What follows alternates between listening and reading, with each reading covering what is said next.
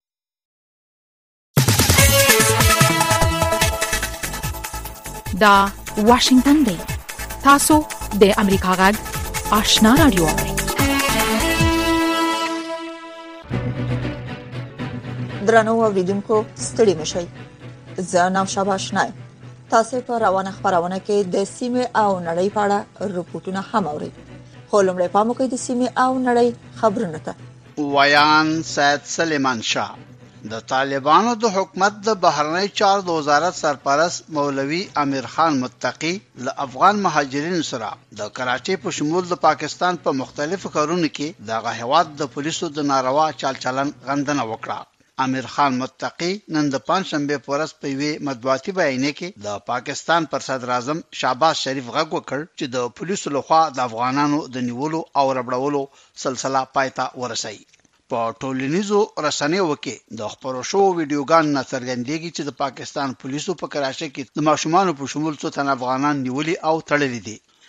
زمونږ غږ د واشنګټن نه اورئ. د افغانستان لپاره د اروپايې اتحاد استازي ټامس نيکلسن د طالبانو د حکومت د چاپيريال د ساتلو د ملي ادارې د سرپرست د دې شکايت په ځواب کې چې ولې نوموړي ادارې ته په مصر کې د ملګرو ملتونو د اقليم په نړيوال کلني، COP، ويش کې د ګډون کولو بلنه ورنه کړل شوه، د ټویټر په پاڼه لیکلي دي چې افغانستان د نوموړي په وینا یو مشروع او په رسمیت پېژندل شوی حکومت نه لري، نو ځکه نه شي کولای چې د اقلیم په نړیوال کنفرانس کې ګډون وکړي. ټامس نیکلسن په خپل پیغام کې چې نن د پنجشنبې په ورځ یې په دې اړه د ټویټر په پاڼه خپور کړی، په دې خبره تاکید کړی دی چې واقعاً افغانستان د نړۍ د هغو هېوادونو په سره فهرست کې شاملېږي چې د اقلیم بدلون پرې تر ټولو زیاته بده اغېزه کړې ده. نیکلسن لیکلي دي، مهمه خبره دا ده چې اروپايي اتحاد او نور بهرني هېوادونه باید له افغانانو سره خپل تماسونه جاري وساتي. د رویټرز خبري آژانس نن د پنجشنبې په ورځ خبر ورکړ چې د پولنډ یو شرکت په روانه اونۍ کې افغانستان ته د افغانیو د نوو چاپ شوو نوټونو د لېږلو پرېکړه وروسته له هغې وکړه چې د متحده ایالاتو حکومت د افغانستان مرکزي بانک ته اجازه ورکړه چې د نړیوالو بانکي سیستمونو له لارې دغه پیسې حاصلې کړي. د ښځو د حقوقو دوو فعالانو مېرمن زولیا فارسي او مؤنسې مبارز نن د پنجشنبې په ورځ په کابل کې امریکا غږ ته وویل چې د یوې اونۍ له تېرېدو وروسته لا تر دې دمه د ظریفې یعقوبې او له هغې سره د نیول شوو څلورو ملګرو د ځای ځایګي او سرنوشت په اړه معلومات نه دي ورکړل شوي. متحده ایالاتو، ملګرو ملتونو او د بشري حقوقو مدافعانو په سمدستي ډول د هغې د خوشې کولو غوښتنه کړې. له بلې خوا ویل کېږي چې د طالبانو حکومت د کابل د ښار پارکونو او تفریحي ځایونو ته د ښځو ورتګ منع کړی دی. زمونږ غږ د واشنګټن نه اورئ. په ایران کې د حکومت پر ضد د احتجاجونو لړۍ دوام لري. د اسوشیټډ پریس خبري اژانس نن د پنجشنبې په ورځ له دوبۍ نه خبر ورکړ چې نن هم په سلهاوو خلک د ایران په غټو ښارونو کې سړکونو ته راوتلي او د هغه هېواد د امنیتي ځواکونو له خوا یې د ایران په شمالي ختیځو کردنشینو سیمو کې د یو ګڼ شمېر مظاهره چیانو د وژلو پر خلاف فشارونه ورکول.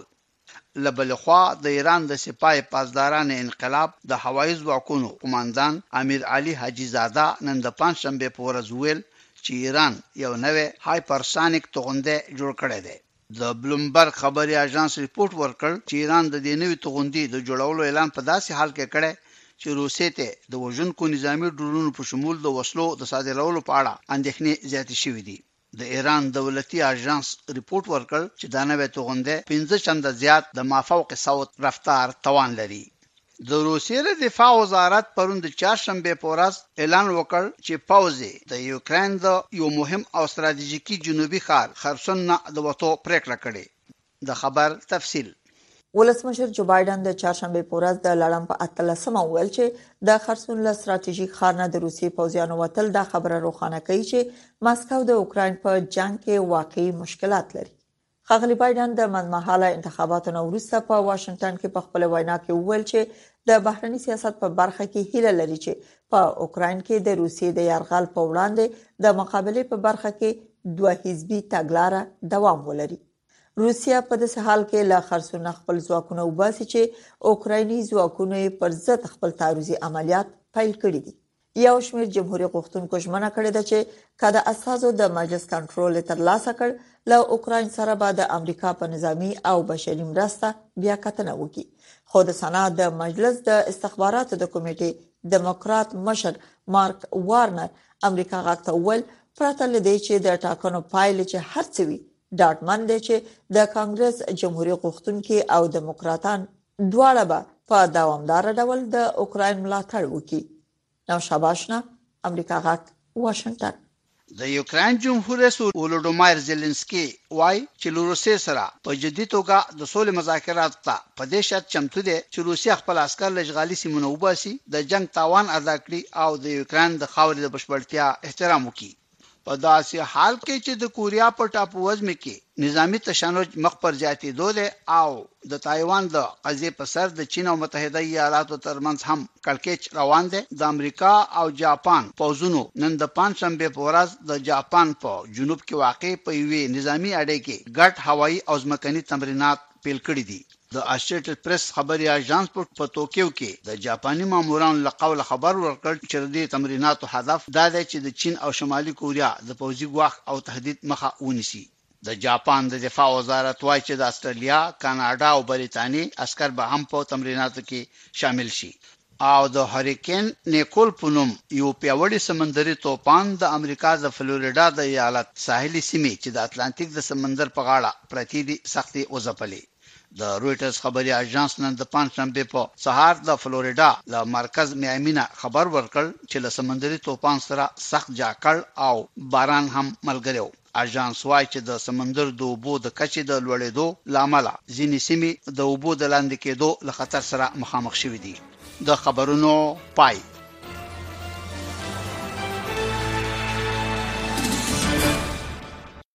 د سیمې او نړۍ خبرونه واوریدل په موقع د سیمې او نړۍ په اړه رپورټونه ته د طالبانو د حکومت د بهرنیو چارو وزارت په یوې اعلامیه کې د پاکستان په ځینو خارونو په ځانګړي ډول د سند ایالت د کراچۍ په خار کې د افغان کډوالو سره د پاکستانی پولیسو ناسم چلند غندل او دغه هیواد نه ژر د دغه اقداماتو د بندیدو غوښتنه کړې ده د سیاسي چارو ځنې افغان کارپوهان په بهر کې د افغان کډوالو د حقوقو نه د ملاتړ لپاره د طالبانو له حکومت د نورو د طالبانو له حکومت نه د نورو اقداماتو غوښتنه کوي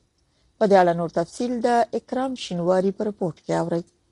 پاکستاني پولیسو لخوا د دغه هیواد په یو شمېر ښارونو کې د افغان کډوالو د نیولو او ورسره د ناسم چلند په اړه په ځینو رسنیو کې د خپرو شوو رپورټونو او د ځینو افغان سیاسي مشرانو لخوا د دغه چلند د غندنې وروسته د پنجشنبې په ورځ د طالبانو د حکومت د بهرنیو چارو وزارت په یوه اعلامیه کې د افغان کډوالو سره د پاکستاني پولیسو چلند په سختو ټکو غندلی دی د بهرنیو چارو وزارت مرستیال ویاند ضیا احمد تکل خبریالانو ته په یوه استولې ویډیویي وینا کې ویلي چې د څه مودې راهیسې د پاکستان په بېلابېلو ښارونو د افغانستان سره تګ راتګ پر لارو په ځانګړي ډول په سند ایالت کې د افغانانو سره د پاکستاني پولیسو لخوا ناوړه چلند کیږي چې دا وزارت د خپل هیوادوالو ځورول او ورته ستونزې جوړول غندي او له پاکستاني حکومت څخه په کلکه د مخنیوي او بیا نه تکرار غوښتنه کوي پاکستان د افغانستان یو نږدې او داسې ګاونډی هېواد دی چې دواړه ولسونه یې د اسلامي ورورګلوۍ او ګډ کلتور تر څنګ ګڼ نور نه بېلېدونکي مشترکات لري. دغه راز په پاکستان کې سلګونه زره افغان مهاجرین مېشت دي او هلته نه یوازې خپل غیر سیاسي ژوند کوي،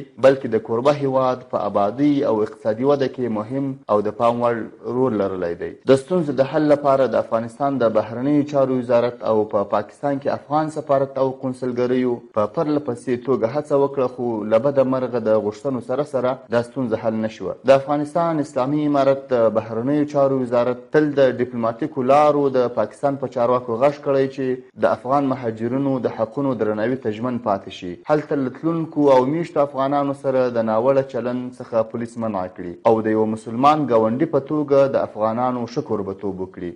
د پاکستاني رسنیو د راپور له مخې پاکستاني پولیسو په وروستیو ورځو کې په بیلابیلو ښارونو په ځانګړي ډول د سند د ایالت د کراچۍ په ښار کې د ښځو او ماشومانو په ګډون له زر څخه زیات افغان کډوال نیولي او په زندان کې اچولي دي د پاکستان حکومت د طالبانو د حکومت د بهرنی چارو وزارت دغه څرګندونو ته لا غبرګون نه دی ښودلی خو په افغانستان کې د پاکستان پخوانی سفیر منصور احمد خان د خپل ټویټر په پاڼه د پاکستان په ځینو ښارونو کې د افغان کډوالو د ځورولو او بندي کېدو په اړه خپرو شوو رپورټونو ته په غبرګون کې ویلي چې دا ډیره مهمه ده چې دې ته پاملرنه وشي چې پاکستان د اوږدو لسیزو راهیسې د افغانانو کوربه دی او افغانان په دې هیواد کې په عزت اوسیږي او کاري فرصتونه هم ورته برابر شوي دي ښاغلي منصور احمد خان ویلي دا روحیه باید همدغسې دوام وکړي او د دواړو هیوادونو ولسونه چې ګډ کلتوري دیني تاریخي او جغرافیایي اړیکې لري همدغسې یو بل سره نږدې پاتې شي د پاکستان پخوانی سفیر دا هم ویلي چې د نه راجستر شوو افغانانو دا مسله کېدای شي د طالبانو حکومت سره د خبرو له لارې حل شي ښاغلي منصور احمد خان دا هم ویلي چې پاکستان چارواکي باید افغانانو سره چې هغه خویندې او وروڼه بللي د ناسم چلند نوي لپاره لازم اقدامات وکړي د افغانستان پخوانی جمهور رئیس حامد کرزي هم تېره ورځ په یوه اعلامیه کې افغان کډوالو سره د پاکستاني پولیسو چلند غندلی او د پاکستان له حکومت یې غوښتي چې د یو ښه ګاونډي په توګه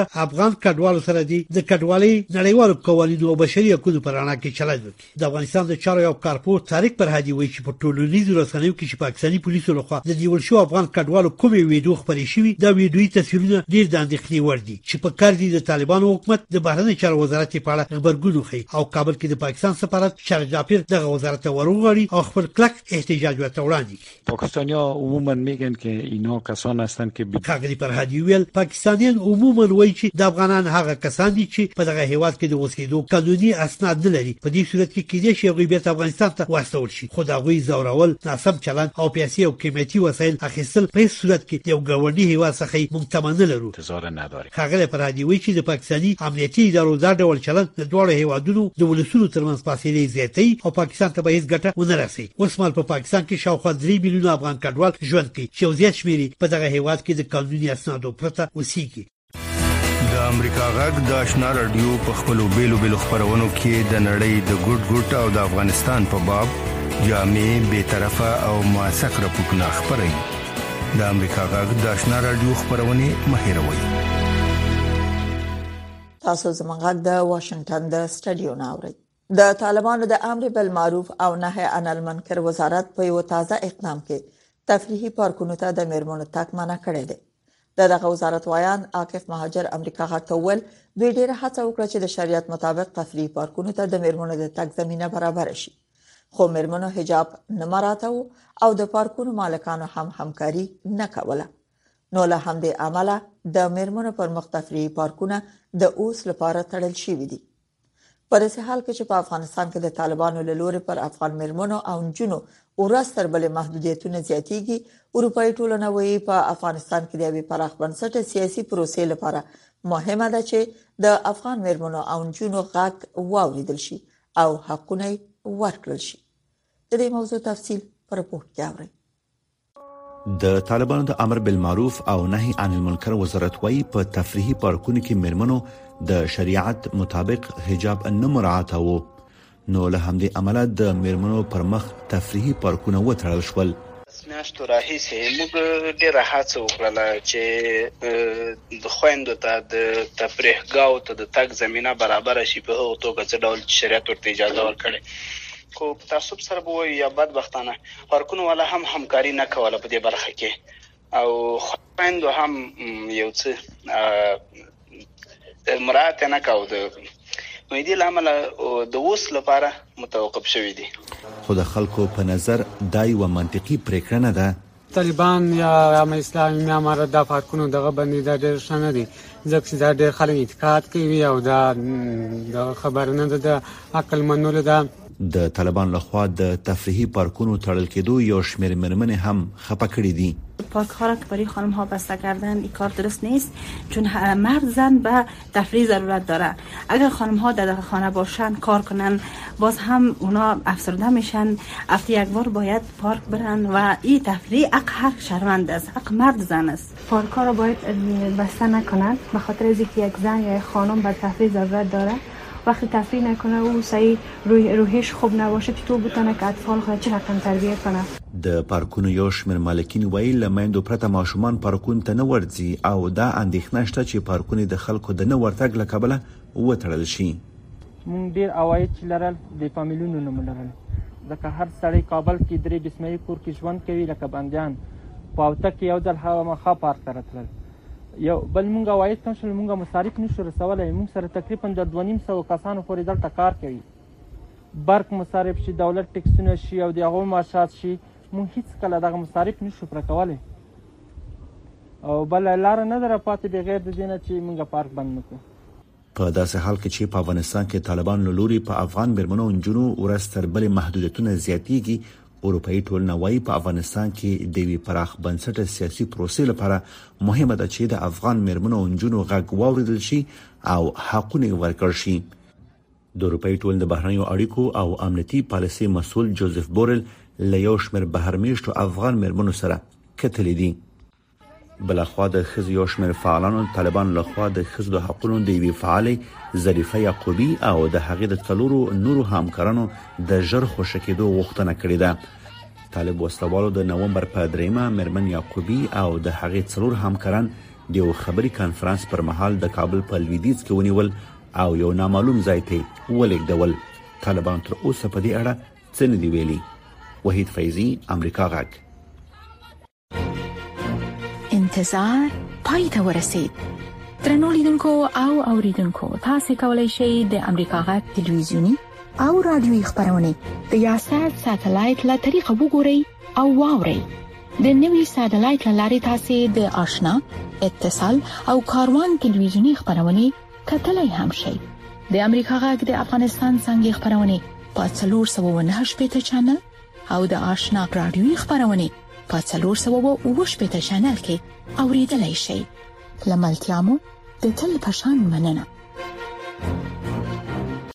د سیمه او نړۍ په اړه رپورټونو ته د امریکا غږ آشنا رادیو د واشنگټن د سټډیو نه ادامه ورکوي د نومبر په اتمه په امریکا کې د کانګرس لپاره منځمهاله ټاکنې تاریخ جوړونکې وي په دغه ټاکنو کې د لومړي ځل لپاره یو تورپوست د مریلاند د والی په توګه یو خزه د نیویارک د والی په توګه یو هم جنس بازه خزه د ماساچوستس د والی په توګه او یو هم جنس بازه خزه د ویرمونت له ایالت نه د امریکا د کانګرس د استازو جرګې ته وټاکل شول تفصیلی په رپورټ کې اورئ.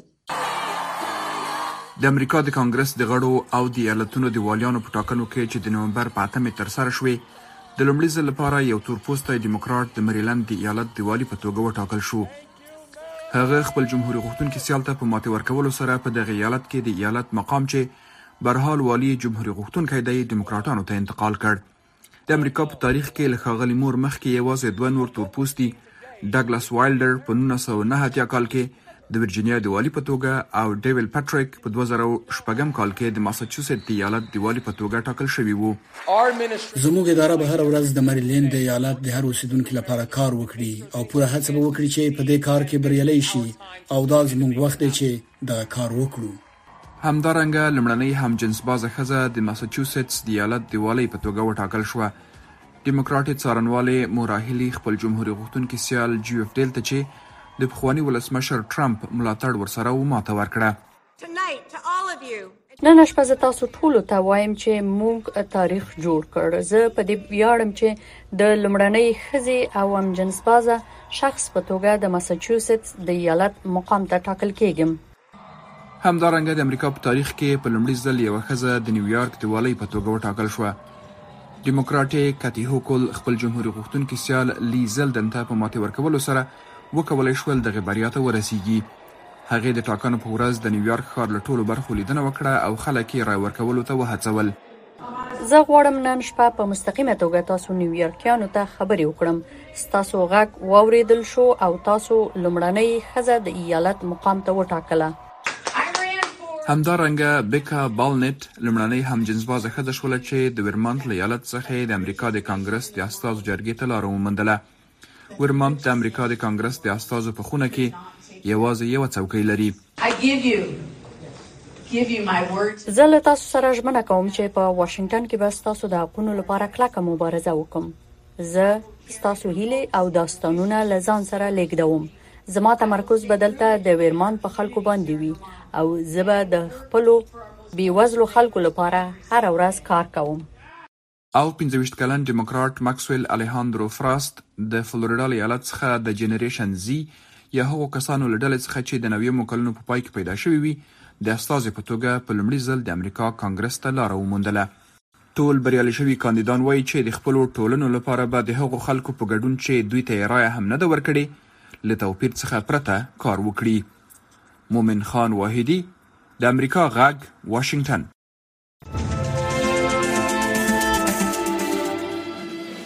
د امریکا غږ آشنا رادیو درنو اوریدونکو تاسو کولای شئ د امریکا غږ آشنا رادیو خبرونه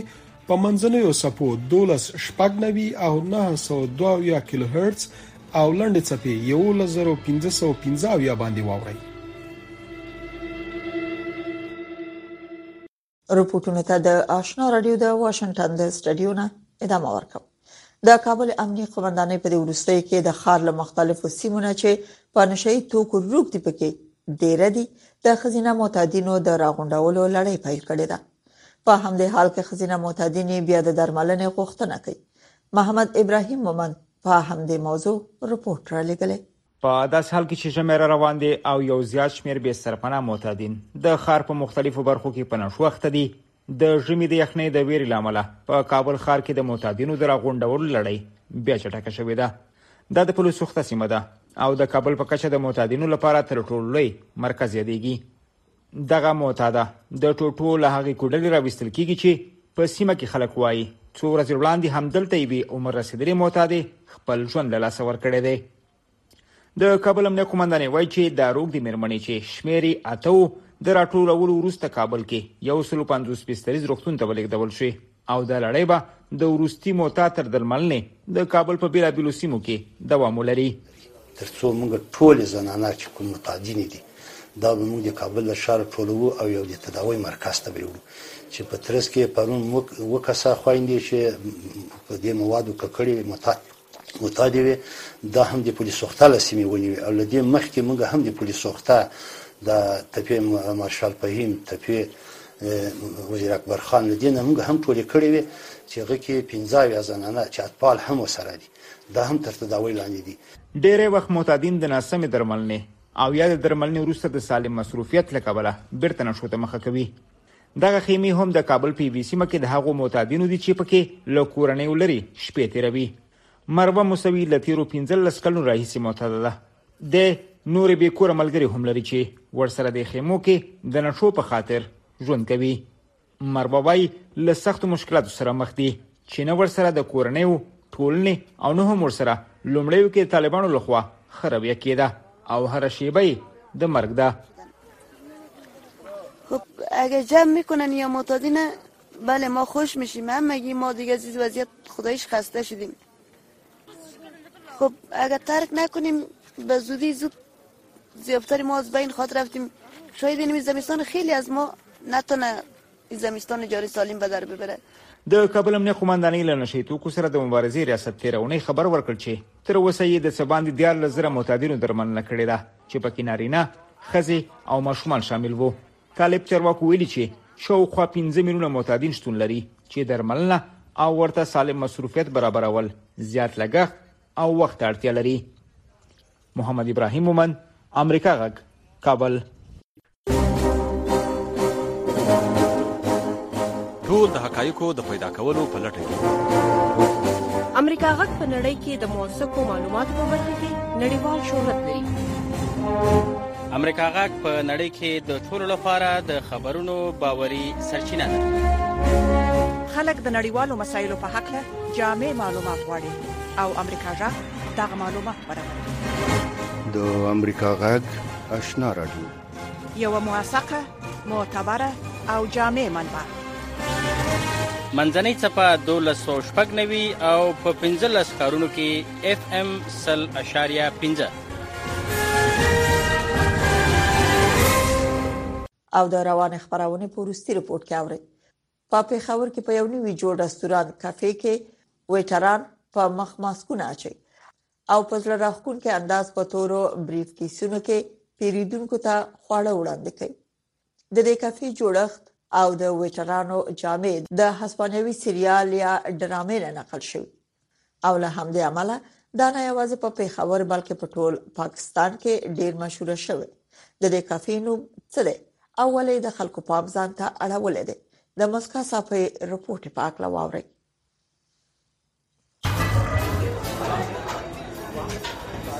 سری جامې او پر مخونو ماسکونه دا د کوم فلم یا ډرامې فنکاران نه دي بلکې د پیښور په یو نوې کیفې کې کارکوونکي دي چې د هسپانوۍ ډرامې مني هایس څخه یې الهام اخیستی دی. کیفې هم د سریال په سندره بیلا چاو نومول شوی دی چې په پښتو کې ښایستې د خدای پامان ژباړل کیږي. خلک لیواله دي چې دې رسټورانټ یا کیفې ته لاړ شي او د دې نقابپوشو کارکوونکو سره یې عکسونه واخلي. وایي چې په پیښور کې دا ډول ځای د دوی لپاره خورا په زړه پورې دی په ځانګړې توګه د دغو کارکوونکو لباس او د خوړو وړاندې کولو ډول د کې مو ایس ته به زه کتل نو ډېر رش و ټول ډېر پهله ځل هغه باندې ټول ډېر زیات راغلي خلک او کوم دا فوډس پریزنټ کوي نو هغه بریف کیس ټایپ سي کې پریزنټ کوي نو هغه جنا مو راغلو کنه سره لسې خستا شان دی دا بمنه هیڅ باندې جوړه شوې ده نو د دې وجه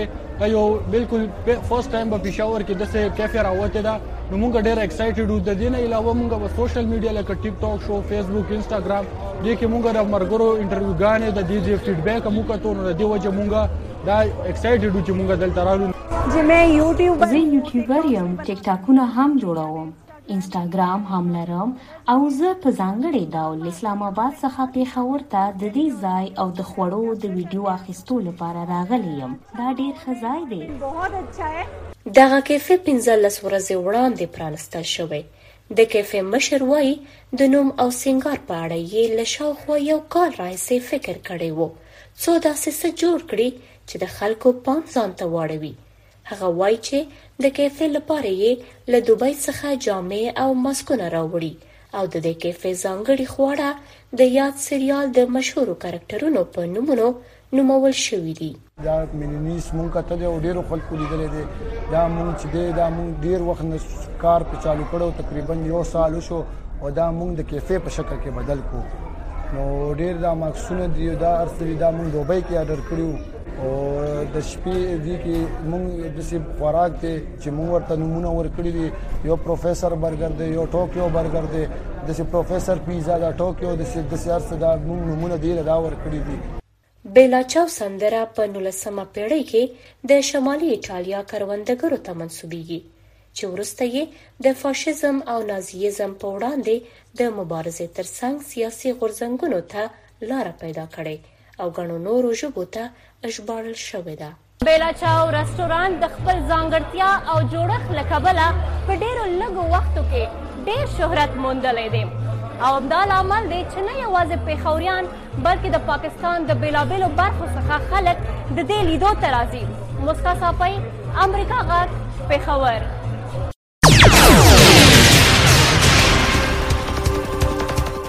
درنو اوریدونکو په موقع د خبرونو لنډیز ده د طالبانو د حکومت د بهرنی چار د وزارت سرپرست مولوی امیر خان متقی له افغان مهاجرینو سره د کراچۍ په شمول د پاکستان په مختلفو ښارونو کې د هغه هواد د پولیسو د ناروا چالچلن غندنه وکړه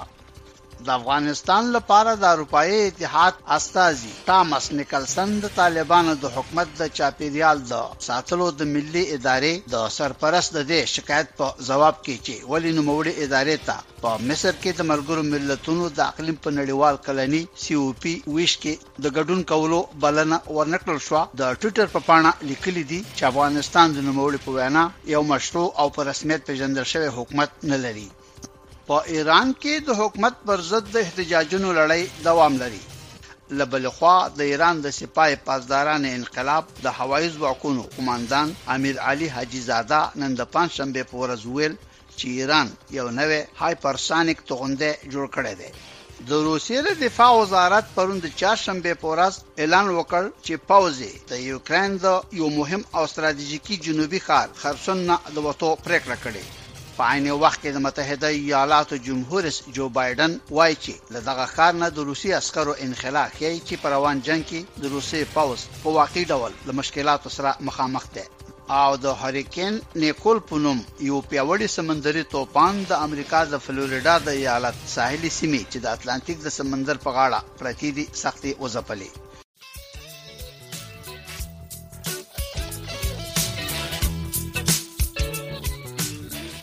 درنو اوریدونکو خبرونه په همدې ځای پای ته ورسیده مننه چې د امریکا غږ آشنا رادیو خبرونه اوري تر بیا خدای مل شي